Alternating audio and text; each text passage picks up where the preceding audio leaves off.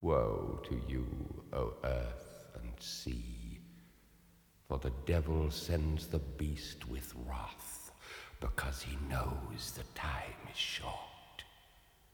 Let him who hath understanding reckon the number of the beast, for it is a human number. Its number is 666. Senitipodden är tillbaka. Vi har flyttat ut ur rock'n'roll-rummet. Hur känns det Niklas? Ja de säger att miljön byter förnyar eller vad säger man? Ja. Eh, jo men det känns ju bra. Det var ju fantastiskt trevligt här ju. Man sitter här och blickar ut över grönskan och ska snacka hårdrock. Hör lite fågelkvitter så Ja, här. det är helt underbart alltså. Det kan ju fan inte bli mer metal än så. Vad kan vi hoppas på? En hackspett? Ja det hade varit någonting. Det eller en uh, uggla någonting sånt där. Just det. ödesmättat hoande i bakgrunden. Niklas, du har ju gått från klarhet till klarhet va? I Mm. C90-podden. Hoppsan. Känner att du börjar bli varm i kläderna? Ja, jag ska försöka inte avbryta så mycket. Ja, det var någon som påpekade det. Se åt skåningen och inte avbryta hela tiden. Exakt, jag ska, jag ska hålla, hålla mig på min plats.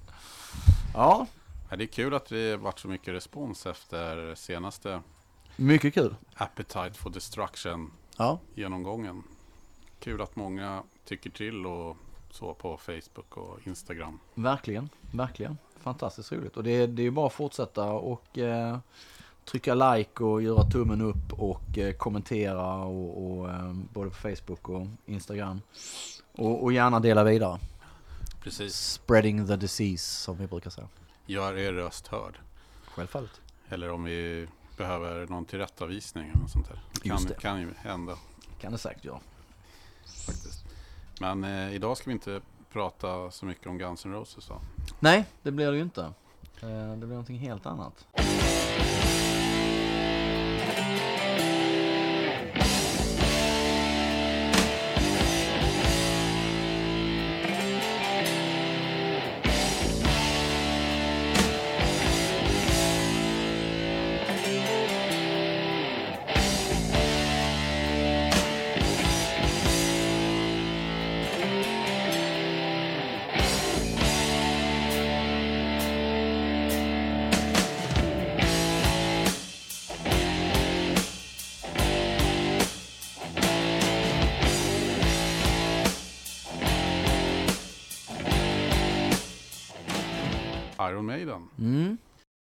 Hur kommer det sig då? Ja, nej, men både att eh, de spelar ju i Stockholm nu snart och eh, sen spelar de ju då på eh, Sweden Rock Festival också som är väl deras största bokning hittills. Eh, och sen följde sig ju även som så att eh, plattan Peace of Mind fyllde, blir det nu, 35 Just det. För, eh, det var, kan det vara, några veckor sedan. Eh, Så då, det var väl lite det som var utgångspunkten så att säga och eh, ja, prata Det- lite kring det och lite, lite annat smått och gott som vi kan hitta. Det är ju många bra plattor som fyller 35. Oh ja! Och nästa år är det ännu fler. Ja, ja, ja, ja. Gud ja. Det är hur mycket som helst och det är många som fyller, fyller 30 nu också som är fantastiska. Så att, oh ja. Det, finns många anledningar till återutgåvor och annat. Åh oh, gud ja. Helt klart. Helt klart. Gäller ju att, att mjölka fansen så mycket som möjligt. Men eh, om, om man säger Iron Maiden, vad, vad tänker du på då? Eh, fula britter. Nej men de har väl aldrig varit snyggaste bandet. Eh, men Alltså- det har inte med saken att göra. Jag tänkte faktiskt på det att eh, under de första åren, eller de första kända åren då, om man ser till debuten av Killers, Mm. Då kunde de i alla fall klä sig rätt så hyfsat. Ja. Ja men det var nog kanske lite mer, men det var kanske lite mer det där väl, just med Paul Diano också, det var väl lite mer punk-stil på det.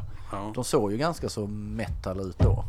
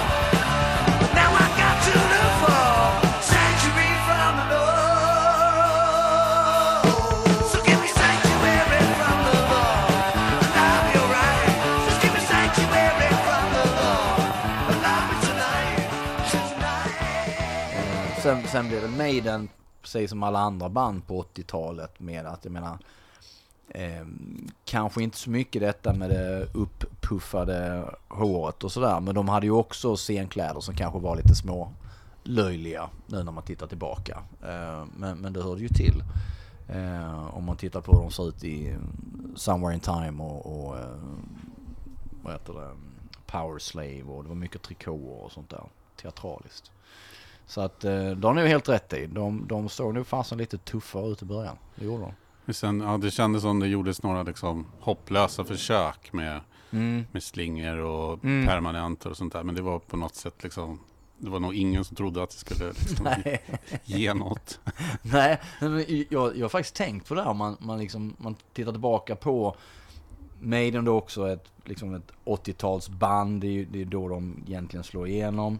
Och så tittar man på de band som faktiskt då kom från, exempelvis från, från USA och mycket då, man tittar den fantastiska Sunset Strip-eran som jag älskar. Så var det ju också att de såg ju förbaskat coola och bra ut. Jag menar, tittar man på alla de där Brett Michaels och Nicky Six och eh, Robin Crosby och Steven Percy så var det liksom, det var ju coola, snygga killar. Medan brittiska band överlag eh, ser ju inte riktigt sådär liksom. Det, Nej. det är mer eh, snubben next door med dåliga tänder. Så att eh, det var en skillnad, skillnad rent, rent så bara. Men det är, ja, jag vet inte, det är väl många kanske som också då fans som identifierar sig med det här tycker att liksom, det får dem att bli kanske Ja, lite en av, en av oss alla på något sätt. Ja. Att man inte absolut. försöker vara någon märkvärd utan man går i sina, vad det nu kan vara, Ja, dåligt, ja. dåligt matchande shorts ja, visst. till någon gammal skjorta och sådär. Ja, jag kommer att tänka på nu bara, i och med att vi pratar om, man ska inte prata utseende och så här, men jag minns ett reportage i ett stort uppslag eh, i Gamla Okej. Eh, och jag kan tänka mig att detta måste ha varit någonstans omkring 84-85 när Dave Murray eh, gifte sig. Jag vet inte om han ens är, är, är gift med samma fru längre. Men då var det, jag önskar jag kunde leta, man skulle hitta det där igen, reportaget. Um, uh, och jag vet inte om det var något okej exklusivt eller så. Men jag minns, för jag hade just det. Då var jag så, ja, ja det kan, kan ha varit 83, 84 där omkring. Ehm, jag hade inte så många planscher på den tiden, så jag minns att jag liksom satte upp hela tidningen just med det omslaget med häststift på väggen. Eh, och saken är det att hans fru då, och så fruktansvärt lik honom. Alltså det var som de var syskon. Det var jätte, det var så här äktenskapstycke. Det var helt galet. Helt galet. Enormt, alltså i, i ansiktet, håren, vi vet att hon var blond också och sådär. Eh, så jag, jag minns verkligen att jag reagerade på det. Jäklar vad lika de är. Ja. Hoppas inte var hans syster. När började du, eh, när blev du ett, eh, kan man säga, är du ett Iron Maiden-fan?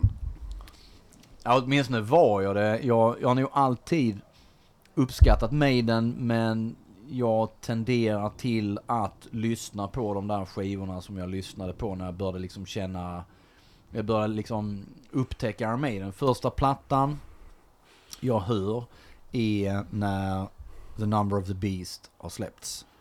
Um, och jag minns, då går jag alltså i ehm, 82 va? i 82, då är jag 11 så då går jag i typ i fyran. Eh, och ehm, sen i femman vill jag minnas att jag... Eh, detta måste ha varit strax innan då Peace of Mind eh, släpptes. Så det kan ju stämma. Ja, det måste ha varit innan precis Peace of Mind släpptes. Så hade vi en soaré i den stora aulan på skolan. Toftaskolan i Lilla Munkaundby. Och föräldrar kom och, och tittade så här.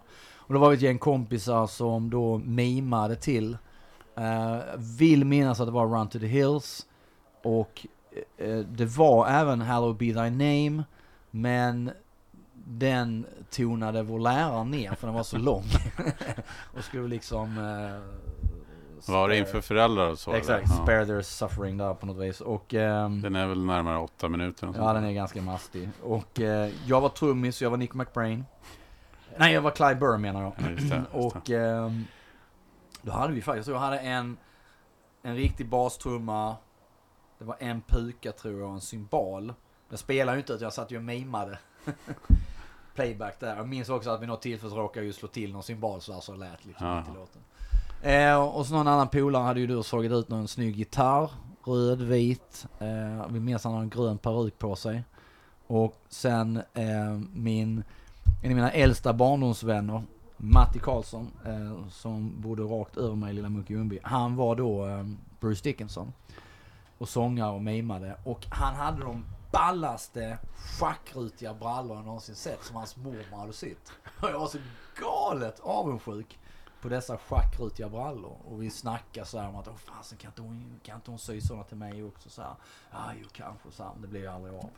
Men eh, alltså det var omkring där. Det var liksom Number of the Beast var senaste plattan. Strax efter detta då sen så, så släpps ju Peace of Mind 1983. Och eh, så det, det börjar väl där. Iron Maiden var ett av de där första banden som jag lyssnade på. Eh, som var hårdrock. Eh, och vi var flera stycken som, som uppskattade musiken och tyckte det var kul. Ehm, medan de andra sen kanske tenderade inte att bli lika fanatiska musiken. Någon gick över sen till att lyssna på synt. På högstadiet så är väl jag den som har varit trogen. Ja. Maiden på så vis. Även mitt, mitt intresse falnade ju sen Ja. längre. Själv då? Ja, Jag, jag funderade på det. Jag hörde faktiskt, eh, utan att veta om det, Running Free Ah, tidigt. För att det var några, eh, där vi var på, på somrarna. Eh, Vårholma fanns det ett ställe som hade en mack. Och där var det lite äldre killar som jobbade. Och de hade koll på, det måste ha varit sommaren 81 tror jag. okej. Jag tror inte att det var, för den kom väl 80 va? Första. Ja. Och då hade, spelade de den på en bandare. Och så då vi eh, yngre kids där eh, snappade upp det. Så vi sprang runt och sjöng på det. Men vi kunde ju bara där I'm running free, yeah, I'm running free. Och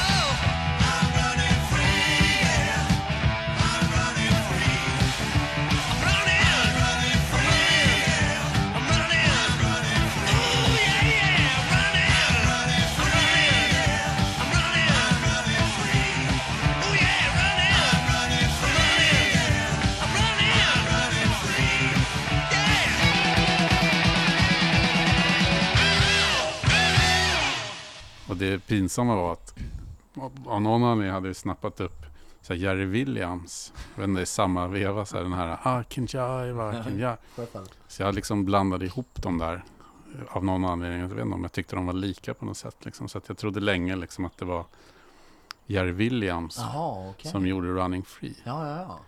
Eller länge, men under, under den sommaren. Liksom. ja, exakt. Och sen är, det tog ju flera år innan jag kom på det. Ja. Eller liksom innan jag ens hörde Running Free. Sen, Ja, då upptäckte jag ju hur fel, hur mycket hur långt ute jag var att cykla.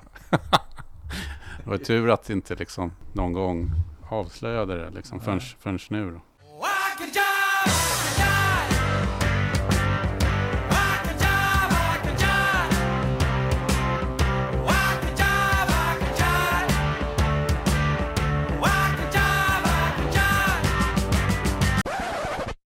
Sen gick du givetvis och snattade skivan.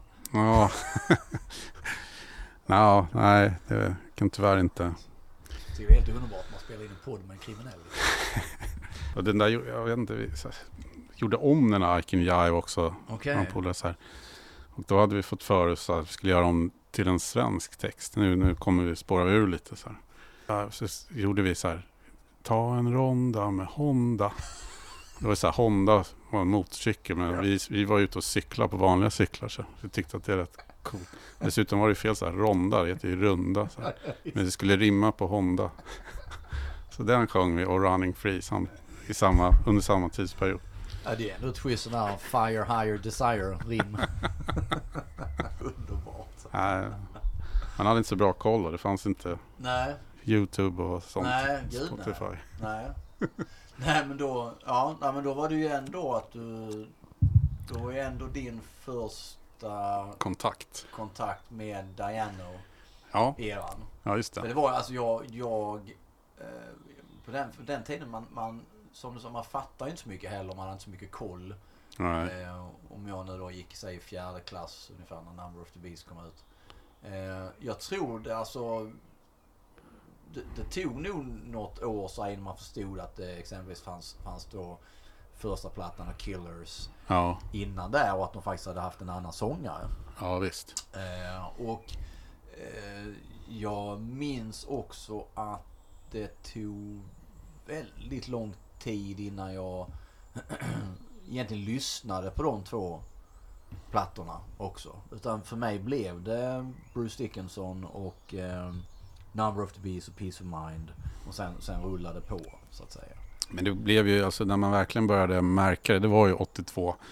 Man började se folk som hade ryggmärket, The Number of the Beast och, och man, ja, man såg skivomslag och då började man höra, hö, alltså egna kompisar som Ja. hade köpt den och sånt här och så.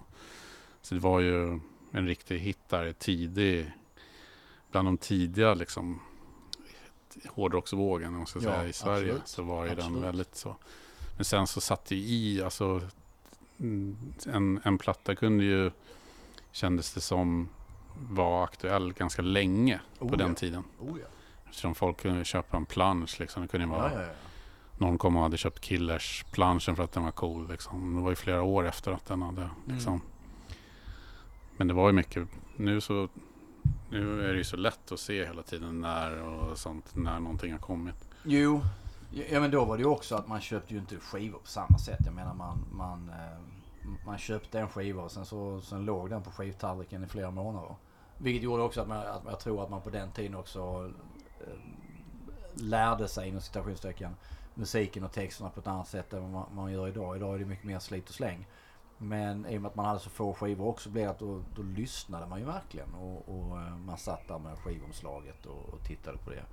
Um, och speciellt med, med uh, Iron Maidens omslag så var det ju det här med att sitta och titta på Eddie och, och sen så blev det, vet jag att man skulle ju, det blev ju en sport att försöka hitta den här lilla symbolen som Derek Riggs hade som var väl hans signatur eller vad fasen det var. Den, den satt man och letade efter. Så jag minns sen när Live After Death kom att då satt man och tittade och fällde upp hela eh, gate-sliven sådär och försökte leta efter den där. Och nu minns jag inte var den var någonstans. Men det, det blev så mycket mer. Och det var, det var ju liksom en, en grej med Maiden också. Just det där med, med omslagen. Mm. Ehm, och, eh, och jag tror också, jag minns att jag tyckte att just... Jag tror nog också att jag tyckte exempelvis Killers. Han står där med den blodiga yxan. Han ser förbannat hemsk ut. Eddie. Att jag tyckte nog också att det var, inte att det var läskigt, men det såg så mycket brutalare ut. Mm. En Number of the Beast, flört med lite djävulen och sådär. Och på Eddie på, på första plattan så... Där vet jag inte. Där ser jag mer ut som en skrämd hemmafru som har liksom rökt för mycket. Någonting sånt där. Ja, de är ju ganska lika de två Ja. eh, omslagen där. Ja. Men, att, men jag tror ju att det var extremt viktigt för dem och otroligt smart att från början vara konsekventa med Eddie-omslagen. Ja, absolut. Och sen var det ju, jag gick ju mycket till en en butik som heter Heavy Sound som Just det. klassisk. Eh, Malmskillnadsgatan. eh, nej, det var väl Regeringsgatan va?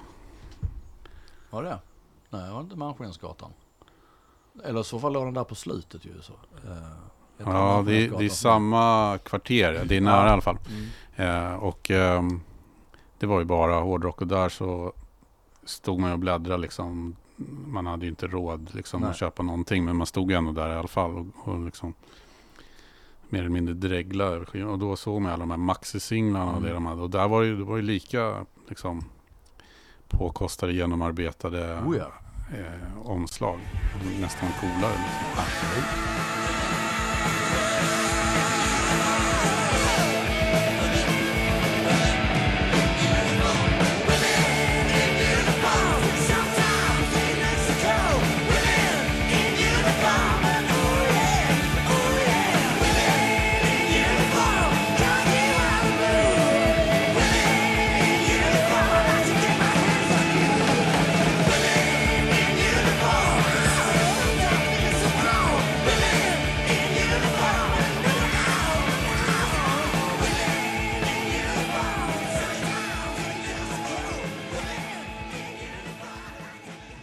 Det Women in Uniform som är en coverlåt. Den Just finns det. inte med på någon originalutgåva. Eh, Women in Uniform, det är ju Margaret Thatchers Revenge på omslaget. Då kommer ju Eddie med två tjejer så här, så står ju hon bakom ett hörn. i- Klädd, Ja, det är det kanske. Just i, det. eh, Ja, men så är det uniform. kanske. Så att eh, om det är Prowler eller någon annan Ja, låt möjligt. innan som är där med. Ja, just det. Så det var också så här snyggt att det fanns liksom historier som Ja, fick följetonger och grejer i omslagen. ja, nej men de var ju verkligen, det var det, det, just det här med att ha en, en, man får kalla det för maskot, är ju en jäkla smart grej just ur merchandise-synpunkt och sådär. Och Och Sprida snyggt, namnet då. otroligt snyggt ritat. enormt gjort. Derek Riggs var ju helt fantastisk. Och kan jag säga det då att jag försökte ju faktiskt kontakta Derek Riggs inför den här podden. Jag tänkte det kunde vara kul och kanske just med tanke på Peace of Mind fyllt 35 och sådär. Men då fick jag bara tyvärr svaret att han, att han, han gör inte intervjuer whatsoever längre. Och, och ursäkten var att han blivit eh, felciterad så väldigt mycket och sådär. Och fått spendera tid med att försöka förklara sig igen. Så att nej, Mm. ingenting. Inte ens att liksom mejla lite frågor och så här och han skulle skriva svaren funkade. Så att det, nej, det blir det inget. Alls. Jag försökte även försöka hitta Martin Birch. Eh, producenten som producerar flera av de tidiga plattorna. Men han, nej, det gick inte att få tag på honom heller tydligen. Så det, var det han som vallade av och gick under jorden? Eller? Eh, mycket möjligt. Eh, dålig koll på det faktiskt. Det vet jag inte. Det, det kan mycket möjligt vara att han eh, gjorde så. Eh, jag vet inte riktigt vad han har gjort sen. Han är väl mest känd för saker han gjorde för just eh, Iron Maiden.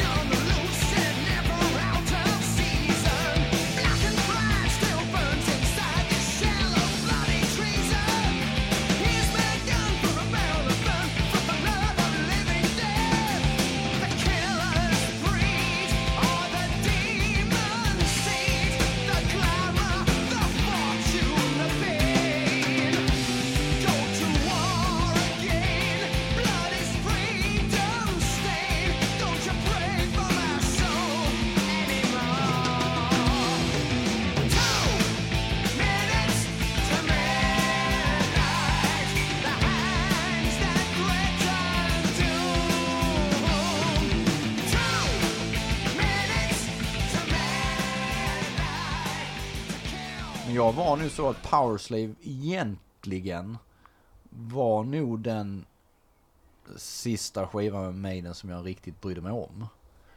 Och jag vill minnas att man, man hörde väl någon låt på Rockbox med Per Fontander och någonting sånt där. Ehm, och det var ehm, eh, det var väl live-reportage i Okej och sådär. Det var en superball scen och, och allt det här. Men sen efter det, sen även när då sen Somewhere in Time kom så redan där tror jag mitt, mitt egentliga intresse för mig den falnar lite. Jag, jag brydde mig inte så mycket om just hur det lät och, och sådär. Eh, och sen kan man ju ångra något, något enormt att man inte gick och såg. För jag minns att då var de väl här, det var väl då de hade var det inte då de hade W.A.S.P. som förband eller hade de Mötley Crüe som förband? Jag minns fasen inte hur det var. Eh, jo, det var, uh, Mötley Crüe var ju 84 Ja, på, på Powerslave. Powerslave var det kanske, just det. Mm. Och sen var det W.A.S.P. på, som då hade släppt eh, Inside Electric Circus Just det, just det. på uh, Somewhere in Mm. Time-turnén där. Så var det nu ja. Så var det nu. För det var ju 84 där som var helt galen eh, höst och början på vintern där. Det var så otroligt mycket Ja, konserter Ja. i Stockholm och Ja. Göteborg. Liksom. Så helt fantastiskt. Alla stora hårdrocksband i princip Ja, spelade inom några, loppet av några veckor. Liksom. Och då var det bland annat den då. just det. Just det. Med Mötley Crüe. Det var ju fortfarande Shout the Devil Ja, turnén stämmer. för dem. Stämmer, stämmer, stämmer. Ja, Ja. Den, den borde man ha gått och sett. Det, det är så o, otroligt mycket man borde gått sett som, som eh, samma som med, med Guns N' Roses. Att, att jag då inte gick i, när de spelade i Globen. Och hittar ingen förklaring till det. Mycket kan ju vara tyvärr. Och och med Maiden så här var det ju också kanske pengabrist och... Ja, alltså man ska ju komma ihåg då att då var man 12. Ja exakt, det var det också. Att man hade liksom inte riktigt åldern och föräldrarna var så här jättepigga på. Jag nu var jag i Skåne, det var väl eh, Malmö eller Skandinavium då, Göteborg man oftast åkte till. Och det, jag var väl helt enkelt för liten då också. Det, jag fick inte se Kiss 83 på Lick Up-turnén när de spelade i Malmö. Mm. Eh, så att, eh, Det, var ju pengarna också. Alltså Absolut. konsert. Ja, nej. Det är, Maiden är ju... De är ju... Just inom hårdrock så är de ett sånt band också som man känner att faktiskt de flesta hårdrockare tycker väl ändå att Maiden är helt okej. Mm. Ehm, och sen har de väl i sin tur influerat mycket. ehm, med sina galopperande gitarrer och, och så här. Ehm, Ja, men det är väl det. De kom tidigt och var väl kanske största i New British Heavy Metal-vågen. mm, Liksom största namnet där. av Den. ja, Så, och det, det tror jag gör att många som då eh, växte upp med hårdrocken där som är typ i vår ålder ja. Har ju ett gott öga till dem. Sen, sen tror jag många har tröttnat på eh, ah, just här galoppgrejen. Ja. Liksom. Vi har ju båda faktiskt då intervjuat. Ja, du var ju jäkligt tidig vill jag minnas på att intervjua. Ja, det var Fear of the Dark promo. Ja men ändå liksom. Jag Ja, var ju då 92. tio år efter det. Men ehm, jag fick ju konstigt nog en, en intervju med Bruce Dickinson och med Janet Gears när de var här i Stockholm och gjorde ehm, promo för ehm, den här um, Rock in Rio ehm, DVD. Är det en, LP, är det en livealbum också? Det är en Ja, liveplatta också. Ja, det är det. Ehm, och då var det, för jag letade fram, jag har ju alla mina gamla intervjuer sparade. Men då minns jag just det här när vi pratade nu om det här med, med deras sound och det här att ehm, det var, om det var nu Bruce som sa det också att de har väl liksom har sitt sound ehm, och att de, är, de har väl mer liksom ändrats, de har mer förändrats inom bandet ehm, men de har ändå varit liksom trogna ehm, sitt, sitt sound på något vis så att säga. Och eh, det ligger en hel del i det. Man hör ju ganska så direkt att det är Iron Maiden som, som lirar. Um, hittar inte detta bara för. Ja, skitviktigt. Så att, ehm, men så är det väl. Det, det, de har lyckats bevara, kanske mycket det också att ehm, de, de har väl ehm, varit trogna sitt sound också, inte hängt på trender som kanske andra band har gjort. Mm. Eh, och mesat till det lite och sådär. Och det har väl gjort också att fans har kunnat hålla kvar vid dem på så vis. Eh, och inte, om man tittar på Kiss som när det blev disco, eller gjorde de disco och sådana här Mm, grejer. Så att det, det ligger väl en del i det. Ehm, Och inte ens under grunge-eran där så försökte de sig på något Nej, exakt. stilbyte. Ehm, Eh, exakt, så är det ju. Alltså här, här var det nog han sa det, just det. Ehm, eh, han säger- Niklas, Niklas sitter nu och letar i Nu sitter jag letar min utskrifter. gamla intervju här. Eh, Då säger Bruce här, Well we have changed what we do. Our albums now sound very different than 1983. So there's a very different style. So we have changed what we do but we haven't changed it to fit any trend or fashion or anything else like that. The change has been within the band and our fans that watch that share it with us. Eh, och då menar också att det är en av de största anledningarna. Eh, det här med att man inte som band har hängt på trender och mode och sådana grejer. Det ligger nog mycket i det. det, det En framgångsformel för många stora band. Ja, och Maiden är, alltså Maiden är ju lite egentligen som... Eh, fel egentligen dra parallell med ACDC. Det, ACDC är ju ännu mer att de har gjort lite samma grej hela tiden. Men, eh, men det är ändå som sagt att Maiden har lyckats bevara sitt sound. Eh, och, och man hör ganska så direkt när det är en, en ny Maiden-låt. De har ett väldigt, ett specifikt sound helt klart. Som de inte har tummat allt för mycket på. Eh, Så det är nog en bidragande faktor utan tvekan. Ja, vi ska väl eh, lista Mm. våra... Den här gången kör vi album va? Ja, det var väl tanken. Mm. Ja. Ehm, Ska jag börja? Du kan eh, shoot. Precis som vi brukar då, börjar vi bakifrån då. Ja. Då har jag som nummer tre.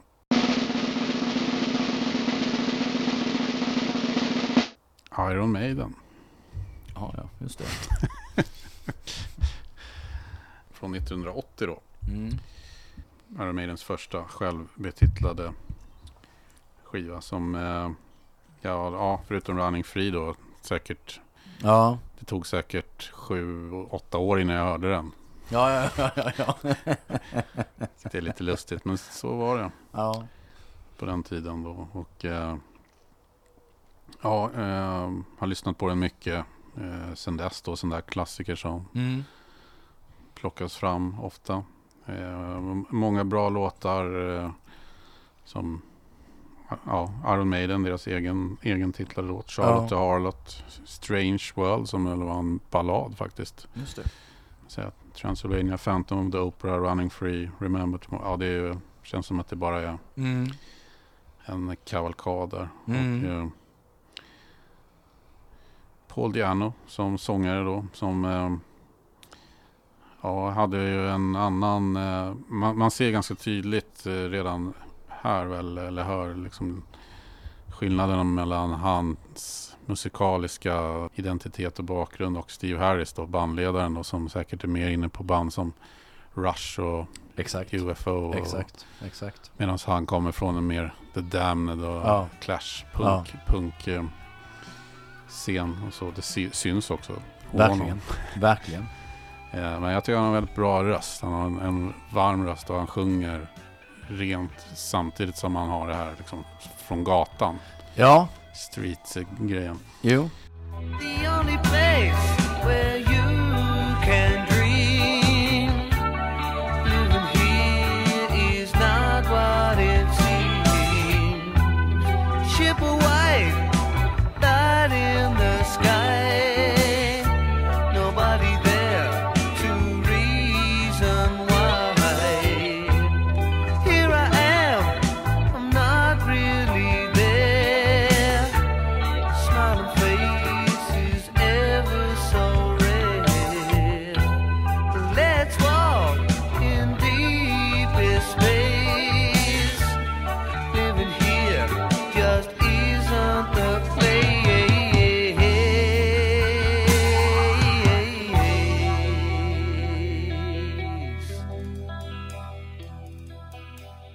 här blir den där mixen eh, mellan då Harris och Mm. Diano som är också skrivit flera av låtarna. Jag vet att eh, Diano, Paul Diano har bland annat varit med och skrivit Running Free. Mm. Mm. Vilket jag har hört sen är an, en anledning till att de inte gärna spelar den. Just det. För att då får han Tickar in royalties. lite royalties till honom. Ja. Och Steve Harris vill ha alla pengar för sig själv. Han fyllde för övrigt tror jag, alltså han fyllde... Jag tror han fyllde 60. Nu bara för några veckor sedan. Steve Och- Harris? Ja. Nej, Paul Diano. Och ja. jag trodde faktiskt att han var äldre. ja. För han ser galet sliten ut nu för tiden. Ja. Eh, och alltså, han har ju liksom... eh, Han gick ju upp i vikt och, och numera har han väl liksom raka skallar och så här. Men han ser, ju, han ser ju faktiskt, får man väl nu säga, han ser ganska annorlunda ut idag Mm. jämfört med hur han såg ut på den tiden. Sen är det Ja. klart att det har väl varit lite mycket dricka och annat missbruk där i som har klart har väl tagit ut sin rätt på honom. Men Ja. Men det, jag tycker det är en, en väldigt bra sångare Mm. och det passar väldigt bra på de här låtarna som är lite mindre galoppmetall och lite Ja. mer punk eh, i sig då.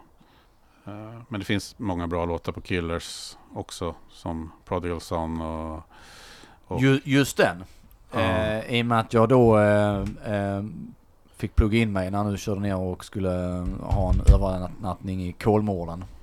Eh, på dotterns klassresa så, så laddade jag CD-spelaren i bilen och eh, tog en hel hög med Maiden-plattor. Och då, då lyssnade jag ju faktiskt igenom då mm, första plattan Maiden eh, och återupptäcker den lite på nytt. Det som du har nu då som din, din trea. Eh, och återupptäcker faktiskt även då Killers. Och just den låten, eh, Prodigal Sun, som jag...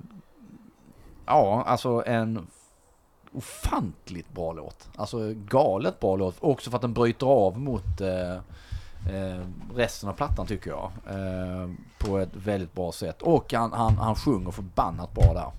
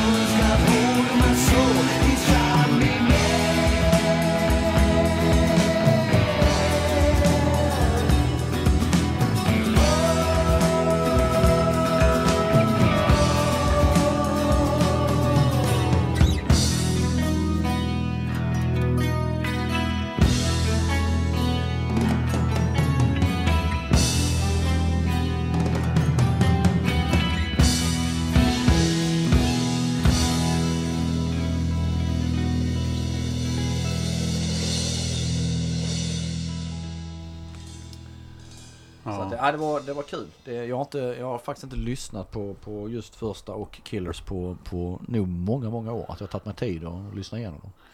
Murders in the Room och Orch också. Just det. Hittig låt. Another Life gillar jag också. Ja. Det, det finns många bra på, Ja. på Killers eh, Ja. eh, också. Men eh, Iron Maiden får, får tredjeplatsen. Ja. Eh, och det är ju tufft för Paul Diana att tävla med, med Dickinson med tanke på att han har gjort så mycket färre plattor. Då, så, Ja, ja, mm, visst, visst, visst. Jag vet inte. Jag känner lite mer för den gode Paul.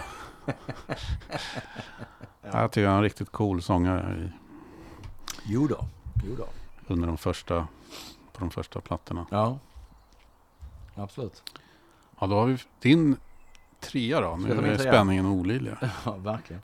Eh, nej men jag är ju då som nämnt tidigare, så det, det, det, det tog lång tid innan jag upptäckte Paul Diano-plattorna och, och där undrar jag lite så också mycket det även har varit för dig att säga nu att Running Free var den första låten du hörde.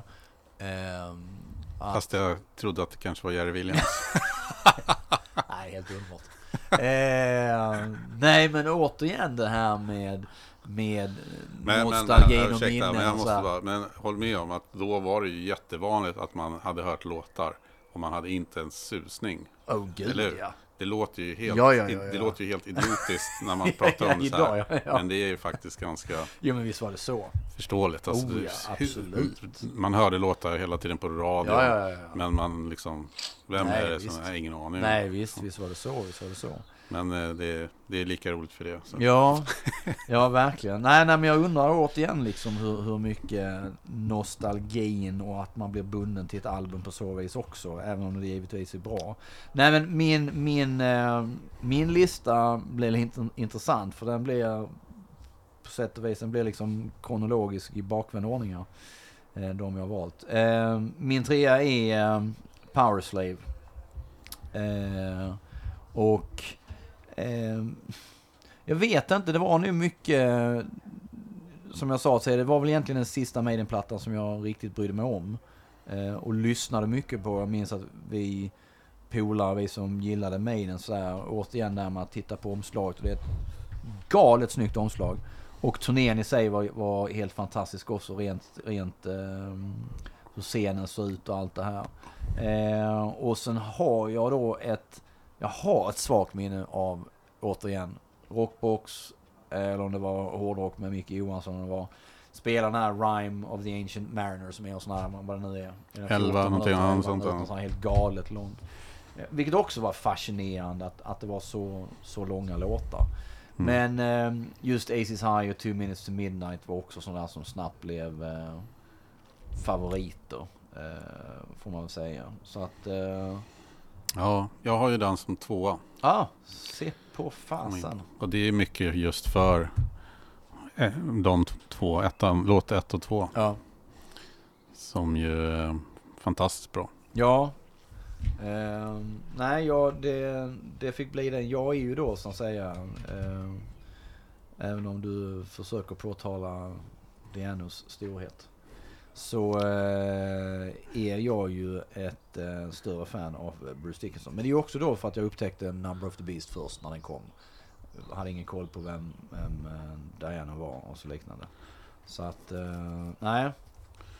Ja men se bara här, nu är det innersliven på, på CDn här liksom. Men det var ju fantastiskt snygg med en mumifierad Eddie och, och det finns en jättekul bild på hur just den här mumifierade Eddie som de hade på scen som liksom hängde över och var precis bakom Nick McBrains trummor.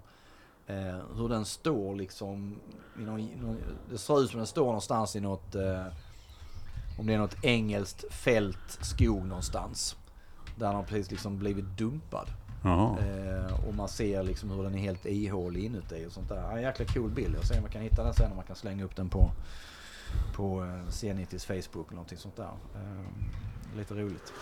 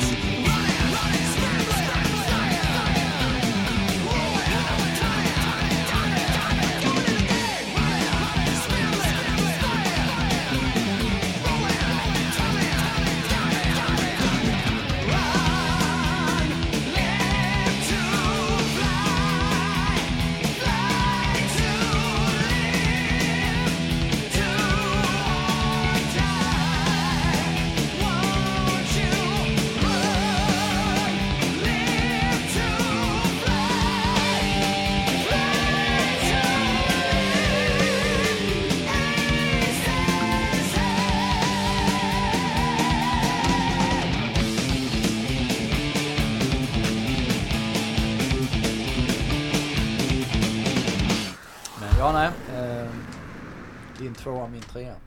Ja, den kom ju liksom under en period när man var som mest... Eh, ja, men då hade man ju äntligen lite pengar man kunde Mm. köpa. Lite mer i alla fall än vad man Mm. har haft tidigare när Peace of Mind när de kom och så. Så att man hade liksom lättare att hänga med. Hade du jeansjacka och sådär liksom så tygmärken och... Nej, jag hade faktiskt inga, jag hade jeansjacka men inga tygmärken. Jag tror att jag köpte något sånt där men att det blev aldrig av att jag liksom... Nej. Ja, jag, hade, jag hade en jeansjacka vill jag minnas. Men jag, hade, jag vet inte om jag kommer ihåg om jag hade någonting med mig. Jag hade inte så många. Men jag vet jag hade en sån riktigt snygg backpatch med ACDC's For Those About Rock. Okej. Och kan inte för mitt liv förstå vad den jackan sen tog vägen. För den finns ju inte kvar längre. Det, men det, det var liksom snyggt. Jag just minns att jag köpte den här ryggmärket eh, nere i Malmö. Med kanonen. Exakt. Och så är det lite glittrigt. Ja, det var riktigt. Jag var enormt stolt. När jag Ja. gick omkring med det där. Kände mig galet tuff. Ja. A Number of the Beast var ju extremt vanligt i ryggmärke i Stockholm. Ja, oh ja. Ja, men det, fun- det, är ju så, det är så förbannat bra med en liten djävul och, och just man pratar om The Number of the Beast och 666 och, och allt det här. Och det, Det är mycket hårdrock. ja, det är väldigt mycket hårdrock. Enormt mycket hårdrock. Eh, det är det, verkligen. verkligen. Ja, ja, vad, vad, eller kan jag, ska du säga någonting mer om din tvåa? Eller har du tömt ut allting om Powerslave? Nej, den alltså inledningen håller kanske inte riktigt. Den, den är ju suverän början då med Aces High och Two Ja. Minutes of Midnight. Och sen håller den väl kanske inte riktigt. Och det hade ju varit konstigt. Och så. Men eh, de är i bra form. Det är en stark Utan tvekan. platta. Utan tvekan. Ja. Eh, nej men då, då, då tar jag min tvåa och då som sagt kronologiskt. Min tvåa blir ju Peace of Mind då.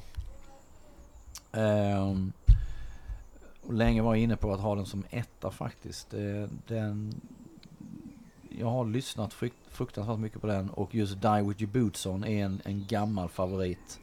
Eh, även The Troopers som är en sån här stadig live-favorit.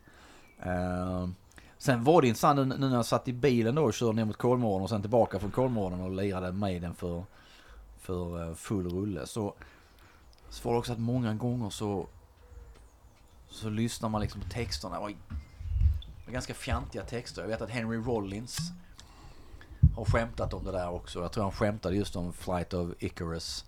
ehm, eh, texten. Att han tyckte den var så jäkla fjantig. Ja. Och det, alltså det var ju, jag vet inte om man ska säga att texterna är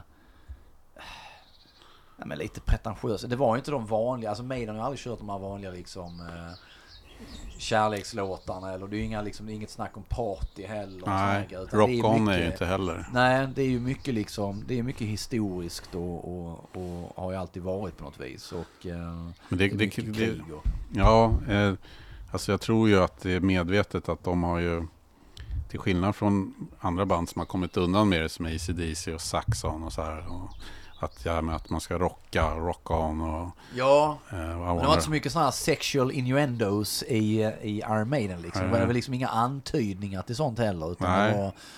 Det, Det- jag menar, då var det liksom så här... Eh, Charlotte the Harlot eller Ja, ja. 22 Acacia Avenue och här grejer. Men det var ju liksom, det var ju mer ur ett... Eh, en, liksom, vad ska man säga, en, en, en, en iakttagelse av någonting. Det var ju liksom inte Nej, eh, en, en, liksom en mer berättande story. Det var ju inte den här vanliga party. och det gjorde väl kanske att de då... Ja, det blev ju begränsat. Det lyckades ju i vissa fall bra som Run to the Hills och, Oh ja. och sådana. Men ibland så blev det väl riktigt lök. Det finns någon där de nämner dinosaurier och så är de helt ute och Ja men det var den jag var inne på! Ja, Just okej. det! Nu kommer jag inte Jag ihåg tror att det är på Powerslave. Nej, jag tror det är på, är det det? Eller nej, jag för mig det är på Peace of Mind. Den har också nämnts i någon artikel just när de eh, Det plockade. för han säger någonting i inledningen, men the, the, the dinosaurs walk the earth. ja, så här. precis. Och jag, just det, när jag satt i bilen så minns jag också att det var så här. Det låter rätt töntigt alltså. Och det, och det är dessutom tydligen helt fel ihop med liksom det de sjunger. Ja, ja, det kan säkert stämma.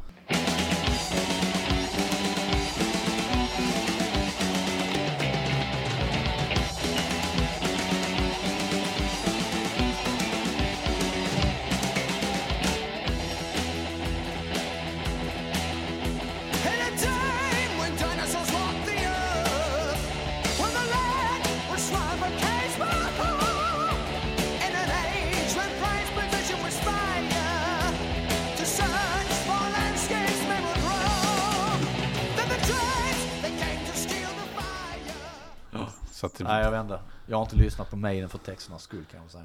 Jaha. Din Faktiskt. eh, etta nu då? min etta är ju Peace of Mind. Det är så pass. Kolla vad vi liksom går in i.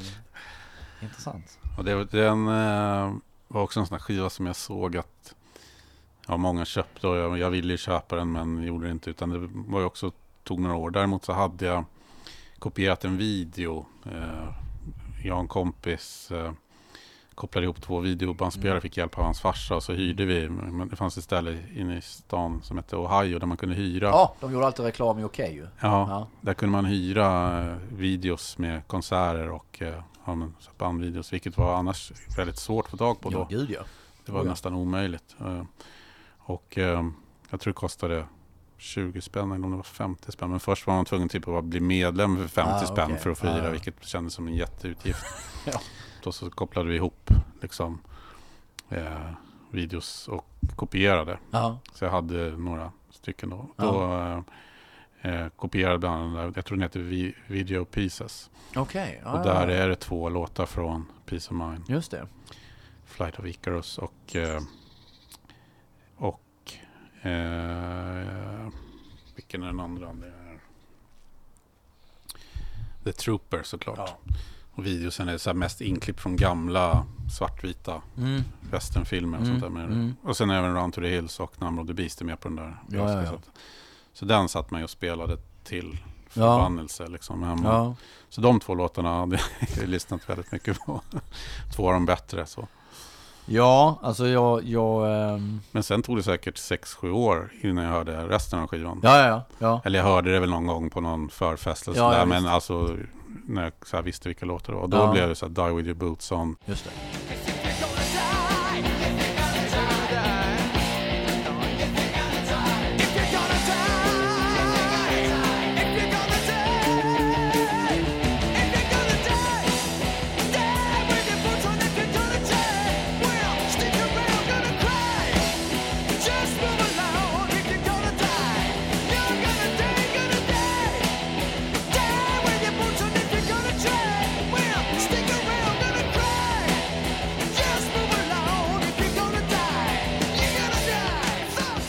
Men du måste ju, du måste ju sett eh, det så kallade Lucia-rock från, från Dortmund 83. jag, jag såg det inte när det begav sig. Nej, det var så. Men jag såg det på, på video senare. Ja. Och då hade jag, ehm, när vi kopierade just vid det där tillfället, så hade jag plats över på ett VHS-band. Ja. Och då spelade jag in en, en snutt av det där. Okej. Och då kom just Maiden kom inte allt med. Nej, Så jag tror att det var slutet kom med. Något sånt där. okej. Och då är det med bland annat Run to the Hills. Mm. Och då var jag så grymt besviken på Bruce Dickinson. Det var där det började liksom min... att, ja, för de kör Run to the Hills så han verkar vara helt... Ja, han är trött liksom. Ja, ja. Så han orkar inte liksom sjunga. Så Nej. att det är egentligen bara man hör körerna så här. Run Ja, to okej. the hills. jag. Run for your life. jag bara, det här är inte ens den låten tyckte Nej. jag. Så här. Nej, Jag vet inte, det var lite konstigt. Men Nej men där hade jag, jag hade ju någon, eh, en, en, en, eh, en kompis på gatan då som hade en Betamax. Vi har väl pratat om detta tidigare, som spelade in denna då och sen satt vi och tittade på den.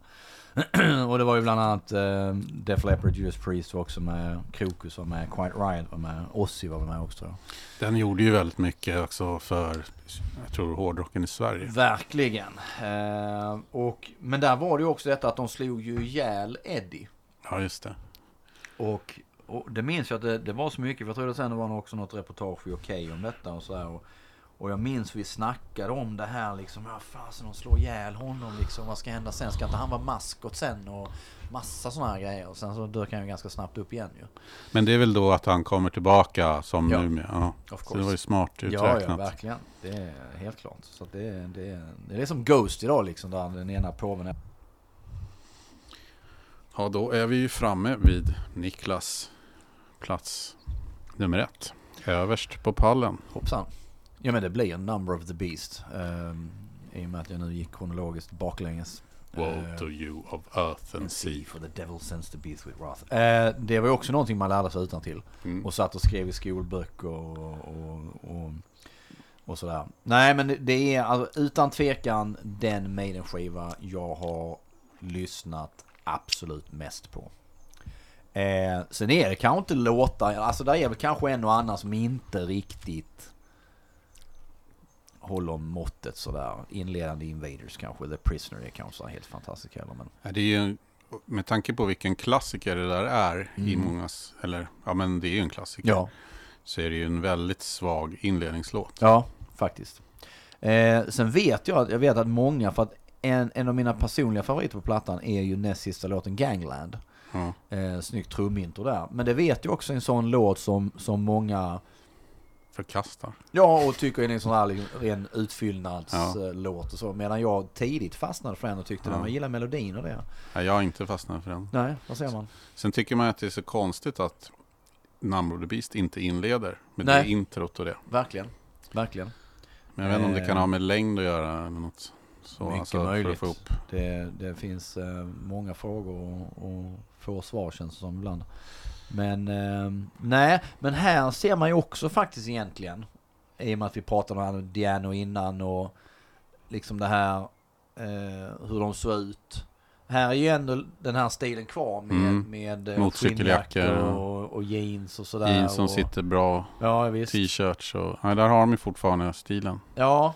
Sen, eh, sen blev det liksom linnen och Ja, tights och grejer och fan hans mormor liksom. Det, det ballade ur helt. sista skivan också med, med eh, Clive Burr Just som, det, eh, just det. som trummis. Ja. Och som sen då senare fick MS. Och han fick ju även sparken från bandet under Mm. ganska tråk, väldigt Mm. tråkiga Mm. omständigheter. Och där Mm. framstod väl inte Steve Harris som den mest ömsinte människan. Nej.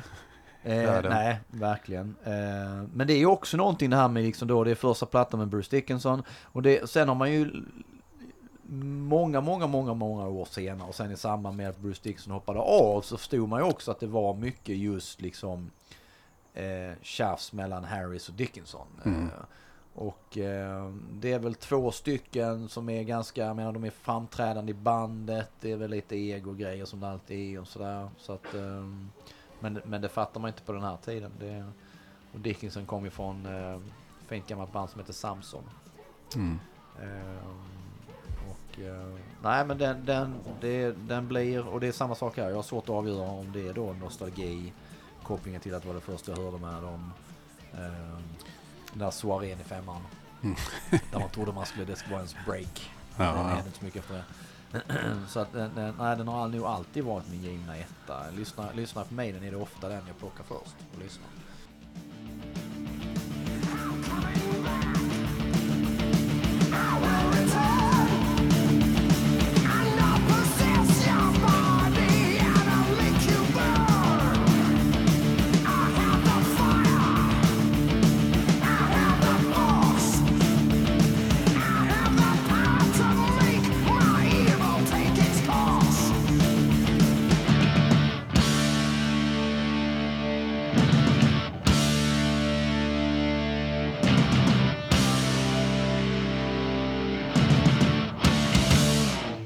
Men alltså Run to the Hills, blir du glad om den spelas?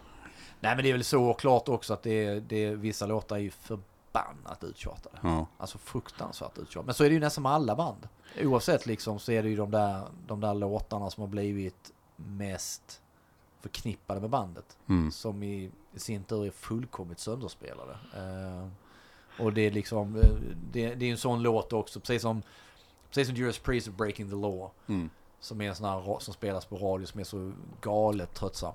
Så är ju exempelvis Run to the Hills liknande med Maiden. Det, det, det är inte så jäkla kul. Det finns ofantligt många fler Maiden-låtar som är roligare än den. Men det är en sån låt som alla känner igen då.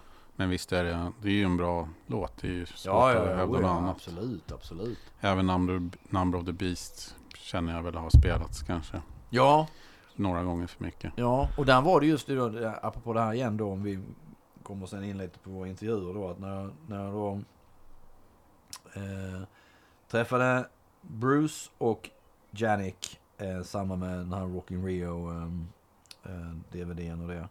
Så de träffade jag ju, de satt i eh, den sviten, och eller hotellrummet som är allra längst ut som är ett torn på eh, vad heter det nu? Är det inte Radisson som ligger mitt över Grand Hotel?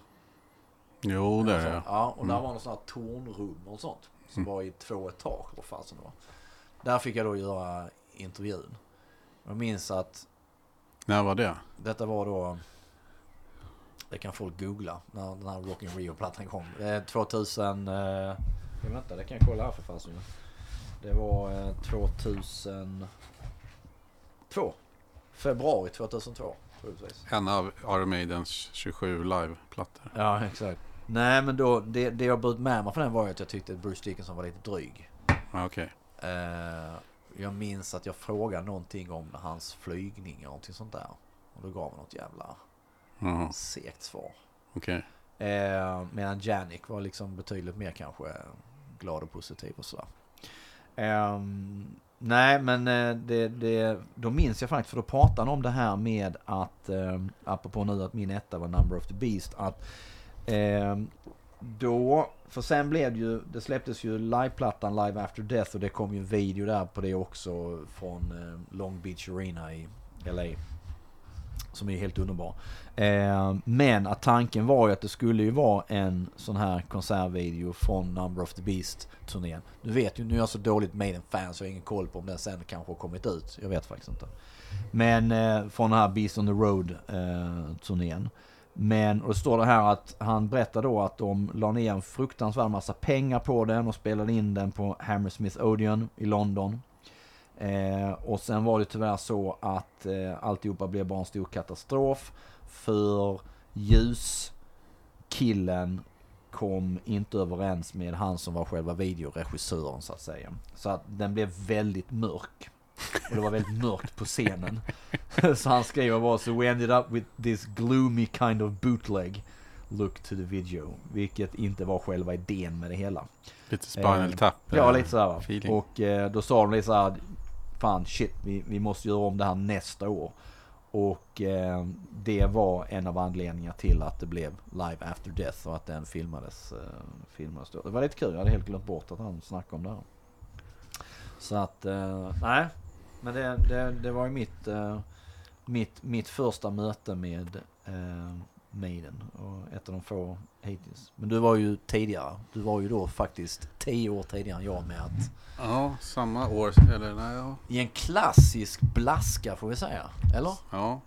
Här med Slits nummer 3 1992. Ja. Sveriges musik och modejournal. Ja, då ska ju folk veta att detta var ju långt innan det blev, eh, som jag kallar det, lumpentidning. Med Ja. halvnakna brudar och eh, systrarna Graf. Det var lite här i Tone Norum på någon slags Titta på den du! halv... eh, Oj, oj, oj. halv jag tror att de är på gång lite här åt det hållet. Gud alltså, jag har hört en helt fantastisk story om henne som jag inte tänker dra här. La Camilla är också med. Hoppsan ja. Se på den ja. Så det är på gång. Men det är fortfarande... Eh, Där ja, visste man inte att La Camilla långt senare skulle få ihop det med kung.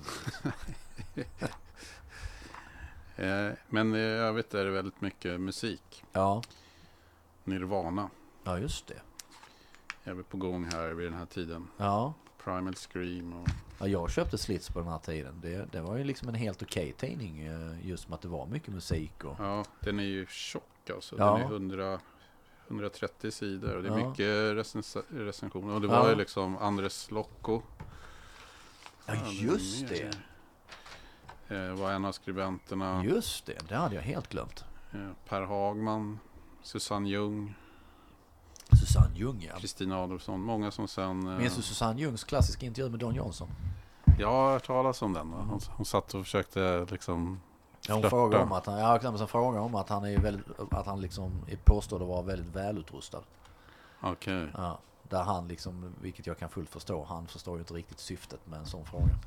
Ja, men här har jag i alla fall intervjuat Steve Harris. Jag var ju inne på den intervjun i tidigare avsnitt. Ja. Där jag berättade om min miss- misslyckade inledning där med West Ham och min dåliga engelska. Ja, just det. Ja, ja, ja, ja. Jag skulle ju då ge honom eh, det, det, det glada beskedet om att West Ham hade slagit Manchester United. ja. Men det föll platt på grund Ja. av att det tog sån tid innan han förstod vad jag menade.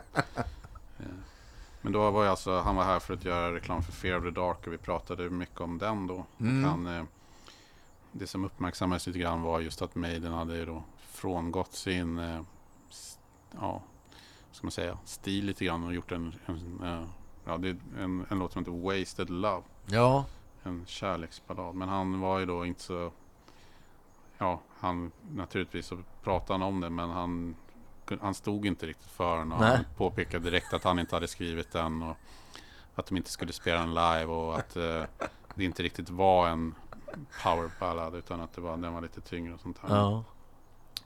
Men det var inte hans favoritlåt helt klart på att han, han lyfte fram Hell is from here to eternity istället. Be quick Ja, or ja, be ja. dead som var Just det. inledande. Just och, eh, Afraid to shoot strangers är en bra låt på Mm, Dark. mm. Och sen är ju också titelspåret där har ju blivit en riktig Verkligen. Maiden-klassiker. Verkligen.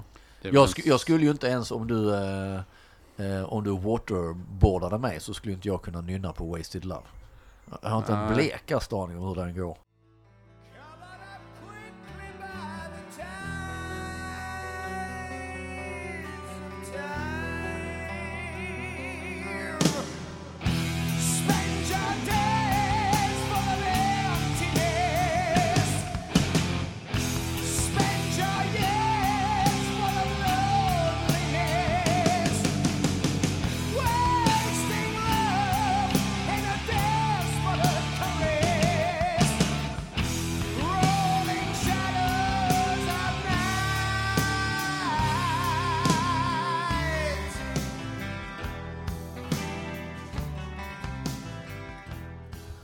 Just också att de då sjöng om, överhuvudtaget hade Love i en titel var ju liksom väldigt Verkligen. anmärkningsvärt med Iron. Maiden. Det var ju, Bruce Dickinson var ju fortfarande kvar i bandet men de var ju, det var ju dystra tider på gång Ja. för Maiden. Det blev ju några magra år där helt klart. Ja, och, och det var ju då, eh, det, det är ju då faktiskt då tyvärr första gången jag ser Maiden Mm. på den turnén. Eller vänta, Fear of the Dark. Mm. Jag Sam, tror det. Samma för mig. Och där, Är det eh, då Anthrax i förband? Jag kommer faktiskt inte ihåg. Jag, jag tror inte jag såg förbandet. Jag kommer inte ihåg om det. Anthrax var väl förband på den här Persistence of Time-turnén va? De hade den här snurrande klockan. Just det, det stämmer. Eh, Det kan ha varit stämmer. tidigare om det var på om Maiden var här på Pray for the Dying eller någon sån. Du, så var det nog. Ja, Så var det nog. Eh, det kan ju stämma faktiskt ja. Jag blandar nog ihop lite där men det... det då såg vi dem tidigare än vad jag gjorde. Ja, ehm, För jag såg dem 92 på Hovet. Jag vet inte om det var fullsatt. Men det var bra drag, bra stämning. just det. Eh, no prayer on the road. Mm. Så att det var alltså då 90-91 jag såg dem. Mm. Um, det, det ser på fan. Ehm, det jag minns... Ja, för det första är det ju konstigt i och med att mitt Maiden-intresse vid det laget hade svalnat ganska mycket. Eh, jag, jag har inget minne av att jag ens hade hört liksom plattan som turnén byggde på. Um, och det jag minns var att jag och polaren, var nog ganska så hastigt påkommet också. Och vi körde upp från Ängelholm och när vi kommit halvvägs blev det en sån galen dimma. Så vi ligger liksom och kryper fram i, i 10 km i timmen hur länge som helst. Vilket gör att vi, när vi väl kommer fram så ser vi ju kanske sista fyra låtarna med Anthrax, någonting sånt där. Så att, Okej, eh, ja, ja, men ni missar inte ganska- Maiden. Nej, vi minns inte The Maiden. Men eh, det jag minns också var väl att det var egentligen att den turnén också var ganska... Eh, ganska blek rent scenmässigt och sådär också. Det var inte sådär pampigt som det hade varit tidigare. Bruce Dickinson hade på sig någon, någon jäkla nätbrynja vad fasen det var det så för jäkligt ut. Och jeans tror jag. Ja, Jag, just det, jag kommer ihåg att det var Persistence of Time turnén just med Anthrax var, för de hade ju då på skivomslaget så är det ju en eh, klocka Mm. och under, eh, under deras set eller spelning så snurrar den där klockan hela tiden baklänges. Just det! Och det tyckte ju de, ja det var väl en liksom påkostad effekt för att vara ett förband sånt där. Exakt. Men en kompis som var där, samma, en av de som var på, som jag har berättat om från Kiss, eh, Ja. Eh, en av de bröderna eh, var på den konserten och de hade eh, druckit massa sprit innan såklart. Så han hade liksom suttit och kollat på det här och mått så dåligt efter ett tag och tittat på den där klockan så han hade spytt. Helt underbart. Och skyllde ju naturligtvis bara på Anthrax Ja, ja, liksom. givetvis. Givetvis. Åh gud, vilken klassiker. Fy fasen, helt underbart ju. Ja, nej, nej det, det, det, det var bra. Nej, men det, nej, det, det är en gåta varför, varför vi åkte. Men kanske var det lite där också att vi kände att vi hade inte sett Maiden. Ja. Och eh, så kan det ha varit att det passade in att det var på en, på en helg, en lördag, någonting liknande. Och så tänkte jag vi sticker och, och, eh, och så blev det av. Så att, eh, nej. Eh, sen intervjuade jag Janet Gears bara på när de var här på Dance of Death eh, turnén. Och eh, också en jäkla trevlig, eh, lättpratad eh, snubbe. Eh, jag minns det också, vi pratade då att han hade varit den som hade kommit med själva grunden väl för låten Dance of Death och sen hade eh, Steve Harris på något vis tagit över och tagit den i någon annan riktning. Vilket han menade var väl så man, man jobbar i så att säga. Att man kommer med en idé och sen kommer någon annan och liksom tar den någon helt annanstans där man kanske inte själv tror det. Och att låten på sätt och vis byggde då på Ingmar Bergmans Sjunde inseglet-film. Vem är du? Jag är döden. Kommer du för att hämta mig? Jag har redan länge gått vid din sida. Det vet jag. Är du beredd? Min kropp är rädd. Inte jag själv.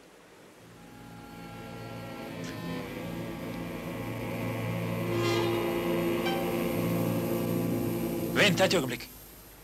Så säger ni alla. Men jag lämnar inga uppskov.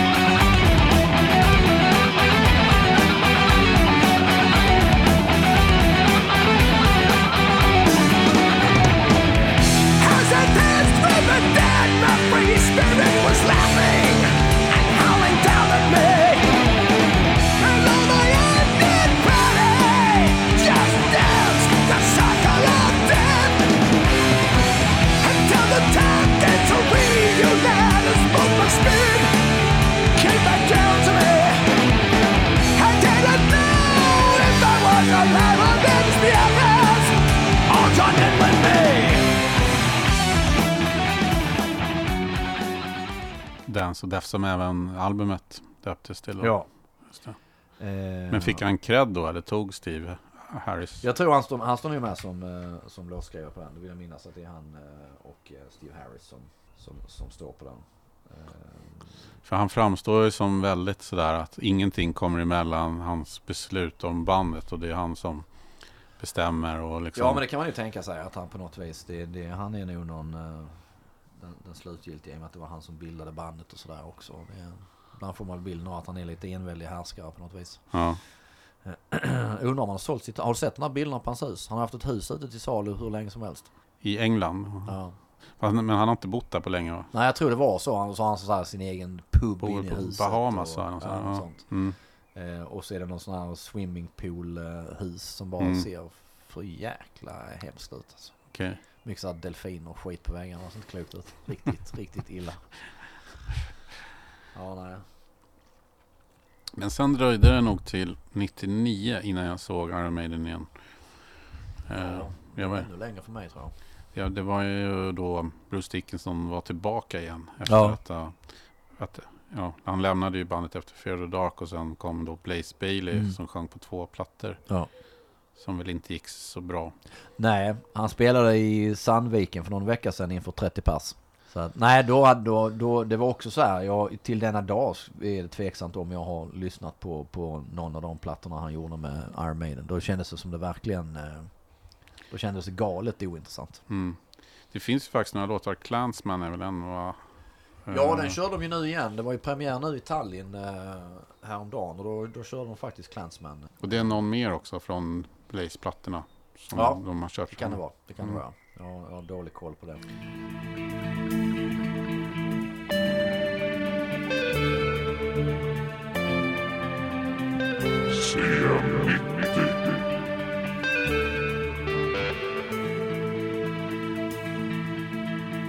No, no, we can't let them take anymore. No, we can't let them take anymore. We're the land of the free. No, no, we can't let them take anymore. No, we can't let them take anymore. We're the land of the free. No, no, we can't let them take anymore. No, we can't let them take anymore. No, we can't let them take anymore. We're the land of the free. Oh,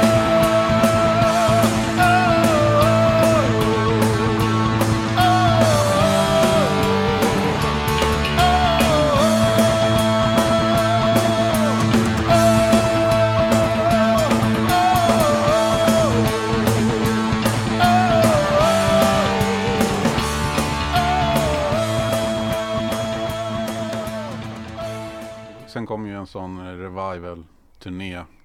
Och det var väl också där i slutet på 90-talet som många av de här uh, gamla hårdrock och heavy metal-banden kom Ja. tillbaka. Ja. Och det blev stora festivaler igen och, Ja. och så Sweden Rock Ja. och, och sånt. Och eh, då såg jag Iron Maiden då eh, i Globen Jaha, ja okej. Ja. eh, 99. Och eh, ja, det var ju allmän eufori då på något sätt. Att Ja. Bruce var tillbaka och de körde ju, ja det var ju klassikerna Just det. från början till slut. Just det. Och eh, ja, men det var otroligt bra stämning, kommer jag ihåg. Att hela, hela liksom långsidan också stod upp. Alla var verkligen på tårna och så här. Men var det Brave New World då eller? Det... Nej, det, jag tror inte ens de hade släppt någon platta. Okej, okej, okej. Utan det var bara allmän... Eh, Ed Hunter hette Så var det ju. turnén. Mm, ja, det var väl inte ens några nya låtar. Nej, det var, typ det där ett- dataspelet. Ja. Mm. Men det var just att Bruce var tillbaka då. Just det. som, eh, Just det. Nej, för att jag, jag, jag minns också att jag, jag intervjuade Mark eh, Wilkinson, heter han, som eh, gjorde alla omslagen med Marillion, när Fish var med bandet. Och han gjorde ju även gjorde en del grejer för, eh, för Iron Maiden, bland annat då eh, Brave New World. Där de delvis använde någon Derek Riggs grej och sen var det hans också. Man blandar ihop det.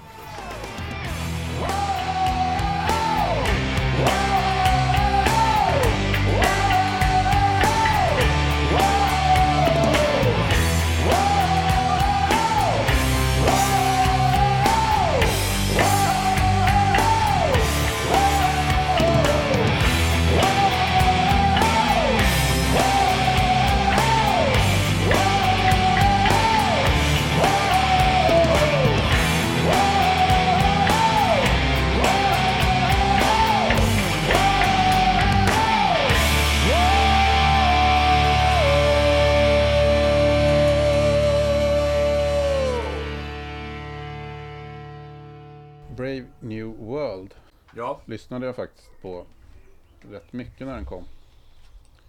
Ja, den är väl helt okej som så. The Wicker Man. Eh, Brave New World. Blood Brothers spelar de rätt ofta. Ja, och titeln bygger, eh, är väl hämtad från, är det inte han, vad heter han, Huxley? Eller vad heter han? Out of the Silent Planet tror jag var singel också. Efter Ja. Wicker Man som är... Så. Just det, för det var också, det, det berättade här Wilkinson, Mark, att eh, The Wicker Man var till en början arbetstiteln på albumet. Som senare då blev eh, Brave New World istället. Och, att det var, och jag fattade som att det var då det skar sig med Derek Riggs. Okej. Att han, han hade kommit med flera idéer om skivomslaget men ingen av dem eh, liksom godkändes av bandet. Och sen så var det något eh, tjafs och han eh, lämnade allt och svor att aldrig återvända igen. Omslaget är ju en futuristisk stad och sen är det liksom en Eddie-liknande Ja, varelse uppe bland molnen. just det. Det är väl ganska snyggt så, men man, det, man ser det inte riktigt Eddie va? Nej, för samtidigt tror jag att när jag, när jag tittar tillbaka här så så säger han Mark att eh, det där då huvudet ska vara Derek Riggs. Eh, vilket är en av hans versioner för Wickerman. Okej. Och sen så la man ihop detta med någon futuristisk eh, London-bild. Ehm, och senare gjorde han även, eh, Wilkinson gjorde även då singelomslaget till Out of the Silent Planet. Ja, just det, det är ju London ja. Man ser ju London Ja. Bridge och grejer där. Ja. Stämmer. Ja, nej, ja, det, ja, jag har inte sett Maiden så jäkla många gånger. Jag såg dem, sen minns jag då att jag såg dem på Stadion, Slayer, du, du påminner att Entombed Mm. då också var förband, vilket jag inte minns ett skvatt om. Och jag såg också Stadion. Eh, bland annat den där. ehm, vad hette den nu då? Som vi pratade om när de spelade. De skulle spela låtar mest. från- Somewhere Back in Time eller? Just det, Mm. den turnén där. Eh, Ja. och De skulle spela låtar från Peace of Mind och framåt tror jag. Ja, just det, så var det kanske. Eh, Men de höll inte det där riktigt. Vilket Nej. jag tyckte var lite så här, vad fan. Varför kunde de inte ha gjort det? Utan de Nej. var tvungna att köra Run to the Hills. Så. Exakt. Men Exakt. folk var glada ändå. Ja, ja, och det, jag såg dem sen också, minns inte om det faktiskt var senaste gången jag såg dem, på den här Sony-sfären när det regnade något så in i helsike. Ja, just När det var det. Mötley Crüe och Iggy Pop och, och Warrior Soul och vad det nu var mer för någonting. Eh, jag tror aldrig jag var så blöt i hela mitt liv. Eh, och eh, minns inte om det var väl den här, just det, det var den här, eh, vad heter den, Frontier någonting, plattan de släppte. Mm. Någon, någon rymd, rymdaktigt eller vad det var. Ingen sån här direkt höjdare väl. På så vis. En, en platta längre bak i tiden som var lite omdiskuterad var ju Somewhere in Time. Just det. Som du, då hade du tappat dem lite. Ja, jag vill minnas det att jag faktiskt inte... man- Jag minns ju plattan, jag minns att de polare köpte den. Eh, Mm. Men att jag inte var så, eh, så fascinerad av den. För den skulle jag nog ha topp fem. Ja, okej. ja. Tycker många bra låtar på den Ja. där. Eh, Den har ett av de mest intressanta omslagen. mm. Därför är mängder med eh, Detaljer och små. detaljer och saker som hintar till gamla plattor och låtar med Maiden och sådana grejer. Så att den, den kan man ju sitta i timmar och, och leta detaljer på. Den är fantastiskt kul.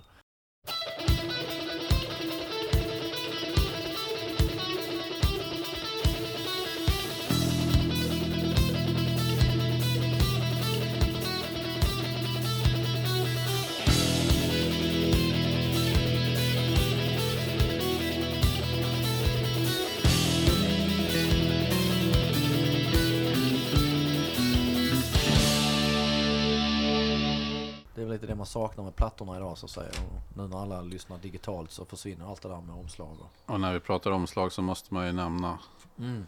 kanske det vad säger man? Eh, ultimata Ja. hårdrocksomslaget Live Ja. After Death. Ja. Ja, Number of the Beast då kanske. Ja. Men det är har ju allting. snyggt.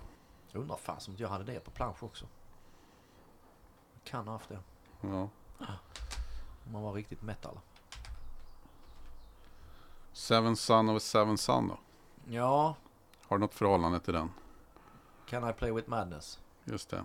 Eh, så eh, det var ju liksom en hit. är ju- Ganska trallvänlig sådär. Ja, det finns ju Moonchild och... eh, Bring it order to slaughter, är det det? nej, den är Nej. på den här. No Pray for the Dying. Ja, så är det. Just det. Men The Evil That Men Do. Ja, just det.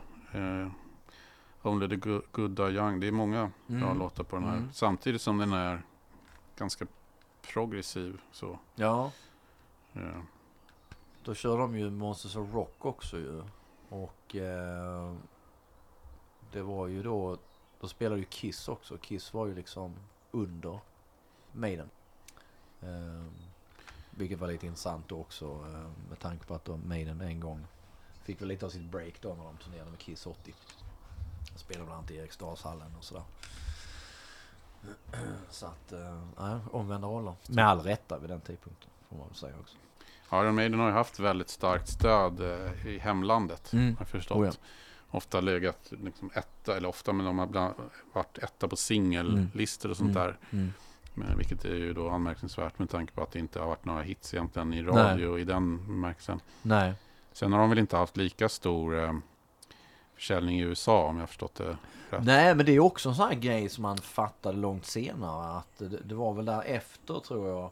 Om det var um, Somewhere in Time eller vad det nu var. Eller det var till och med, nej Power Slave var det ju inte. Men att det faktiskt var några år då också att de, de var inte så populära i USA. Det gick inte så bra att turnera. Men det var ingenting man uppfattade då. Nej. Då såg man sådana här snygga live-reportage och det såg ju liksom hur ballt ut som helst.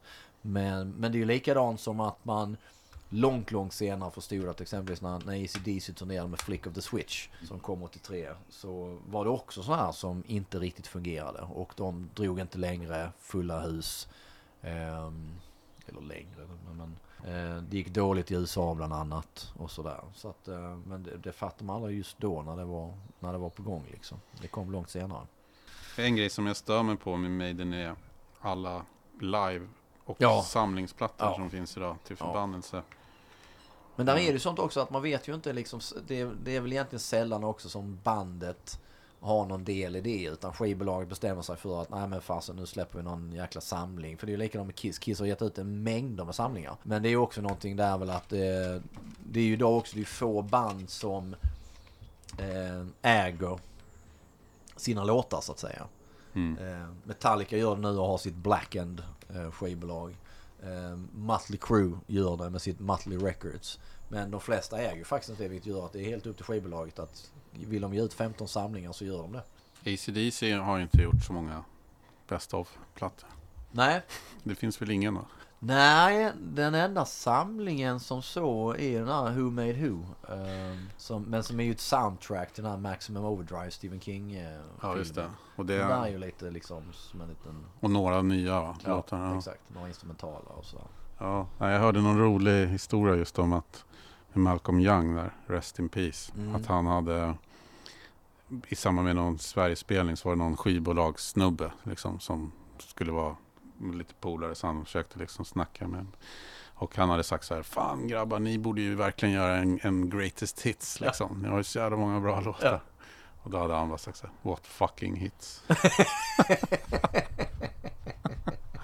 Ja, nej, visst. Så var det med det. Så kan man ju se det, absolut. Absolut. Men det intressanta med, med, med Maiden också är i och med att de har fått ett, de har nog ett speciellt förhållande till just Sverige.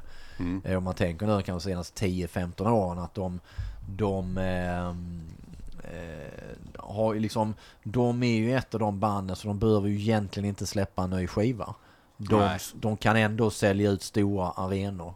Ehm, och, och spela på liksom Ullevi och dra en helsikes massa folk utan att de egentligen behöver pusha någonting nytt. Nej. De kan leva på de, de gamla låtarna och vad de gjort tidigare. Och det, det är ju egentligen numera få band förunnat så att säga att, att nå den nivån.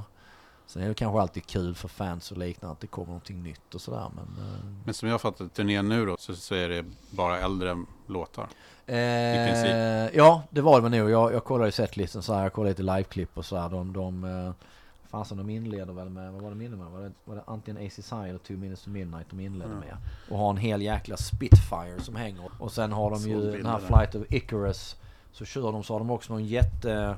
Och det, den är ju väldigt ovanlig att de kör. Ja, och där har de då Ikaros med vingar som hänger återigen bakom Nick McBrains trummor. Och Bruce Dickinson sprang omkring med någon stor jäkla... Så, först såg det ut som här liksom Ghostbusters eh, eh. Men då har han sen så att han har två stycken eldkastare i näven så han liksom springer omkring och så sprutar lite eld. Och det såg lite sådär Rammstein light-aktigt ut. Då, då, eh, då kommer det eld från taket och då symboliserar det när Ikaros då kommer för nära solen och hans vingar smälter och då faller han ihop och åker ner. Liksom. Snyggt. Jo men det är farligt nära Spinal Tap. farligt nära. Ja, nej, men jag kan ju ändå tycka då att då har de ju deras senaste platta då, The, The Book of Souls, Just det, som du har recenserat va? kan jag sagt gjort. Det gav inget bestående.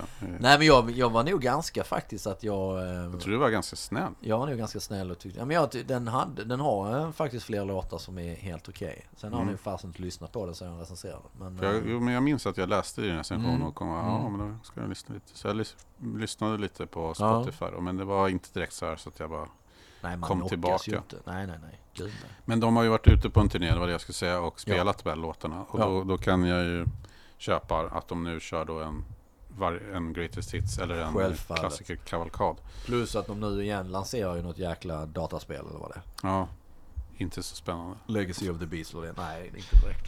Men med Iron Maidens Sverigeförhållande där finns det ju en, en bok som du har läst. Ja, Scream for me Sweden. exakt. Eh, skrivit, just det, som jag faktiskt eh, på sätt och vis sände studentradio tillsammans med i eh, Växjö. På eh, 90-talet när jag pluggade där. Men den, den var ju... Eh, 2004 kom ut. Just det. Den Eh, nej 14 men det är en bra bok. Eh, som då tar upp alla Sverigebesök fram till 2003 tror jag. Ja, Eh, och stories omkring det, det är väl fans som får komma till och det är bilder och, och turnéposts och sådana grejer. just det. Väldigt bra, kul upplägg. Mycket Eh, så här, bilder som är tagna av Ja, privata personer. exakt. Och eh, så att jag gillar den, jag gillar upplägget och den låg väl, eh, vill jag minnas nu, delvis som liksom en inspiration till eh, Kiss i Sverige-boken som kom nu för några år sedan. Eh, där jag var med och gjorde lite research och gjorde lite intervjuer och så här. Eh, men den, den är Screen from Sweden av Henrik, den är, den är bra. Jag vet inte hur jäkla lätt den är att få tag på numera. Nej, det kan ju vara svårt med sådana här. Eh, Men, men den rekommenderas eh, absolut tycker jag om man är, man är ett någorlunda Maiden-fan och sådär och vill läsa någonting. Så att. Eh, vi har ju en tävling också. Ja, just det. Tävlingspremiär i C90. Verkligen. Man kan vinna. Första priset är inte mindre än två CD-skivor. The Book of Souls och även The Book of Souls Live Chapter. Ja, En dubbel. Och sen har vi även tre andra priser då. ja The Book of Souls CD. absolut. Perfekt i bilen. Alldeles utmärkt i bilen, för fasen. Och även hemma. Ja, ja, ja, ja, ja, självfallet. Helt Ja. klart. Måste vi tillägga. ja, ja, ja. Ja. Eh, Och eh, ja, vad sa vi nu då? För att vara med och kunna vinna Ja, så tagga eller dela just det. C90-podden i, på Facebook eller Instagram. Så, Absolut. Så ser vi det och då tar vi kontakt med er som är flitigast. Ja, helt klart. Så kan ni alltså vinna. Vi ska lägga ut bilder på de här också. Kan Ja. ni även se hur de ser ut Självfallet. Självfallet. på i Instagram och Facebook. Jajamensan. Så eh, då kan vi runda av Iron Maiden Ja, podden då, väldans massa Maiden om, om allt möjligt. för den här gången. Men det känns inte som jag har hunnit prata om så mycket ändå. Men Nej, nej, nej. Det blev väldigt mycket om skivorna och sådär och, och lite minnen och, och konserter. Men det, är- det är som sagt, det är ju kul ändå. Det, det, de har hållit på länge. De, det fungerar fortfarande. Man vet vad man får när man går och ser dem. Um, gör det fortfarande en bra show. Det ska man tillägga också att, att Bruce Dickinson är ju en kanske av, om man ska titta på eh, den gruppen sångare eh, som har varit med så länge där rösten fortfarande håller. Han har ju en fantastiskt bra live-röst fortfarande. Eh, att jämföra med, eh, ja, på Stanley Kiss. Mm. Eh, som inte alls längre fungerar. Vince Neil på slutet i Mötley Crüe liknande. Nej, det blev Ganska- parodi. Ja, det blev helt sönderkört. Liksom. Man känner att de, de borde kasta in handduken och inse att det kanske är slut. Mm. Men nej, han har en väldigt, väldigt bra röst. En enorm kraft i, i eh, pipan. Och trots detta med hans cancer i tungan och allt vad det var och såna här grejer. just så, det, att, ja. eh, så, så gör han ett förbannat bra jobb, det får man ju säga. Men då får vi eh, tacka för den här gången då. Ja, det gör vi absolut. Tackar så hemskt mycket.